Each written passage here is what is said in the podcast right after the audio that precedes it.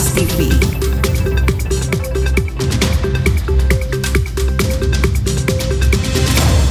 Kisah nyata kriminal dibalut dalam drama audio yang mendebarkan hanya di podcast Tinggal Nama. Halo sahabat Kompas TV, saatnya kita update 3 berita terpopuler yang terjadi pada hari ini, Rabu 23 November 2022 bersama saya Pompe Sinulingga.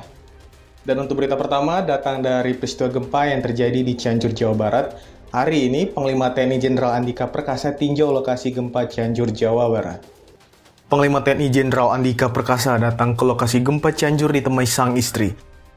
Selain memberikan bantuan, Panglima tinjau kondisi korban di dalam tenda serta disediakan pos kesehatan dan dapur umum. Sejumlah anggota TNI diterjunkan untuk membantu evakuasi korban longsor dan gempa.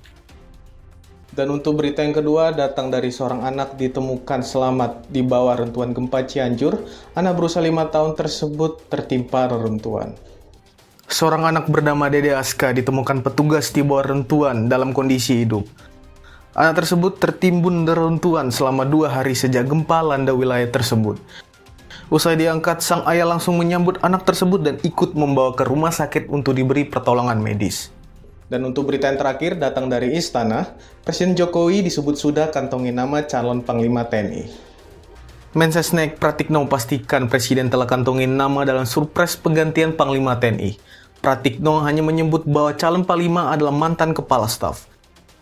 Tiga nama yang muncul ke publik ialah Kasat Jenderal Dudung Abdurrahman, Kasal Laksamana Yudo Margono, dan Kasal Marsekal Fajar Prasityo. Nah, sahabat Kompas TV, itu dia tiga berita terpopuler yang terjadi pada hari ini. Saya Pompes Nulinga pamir undur diri.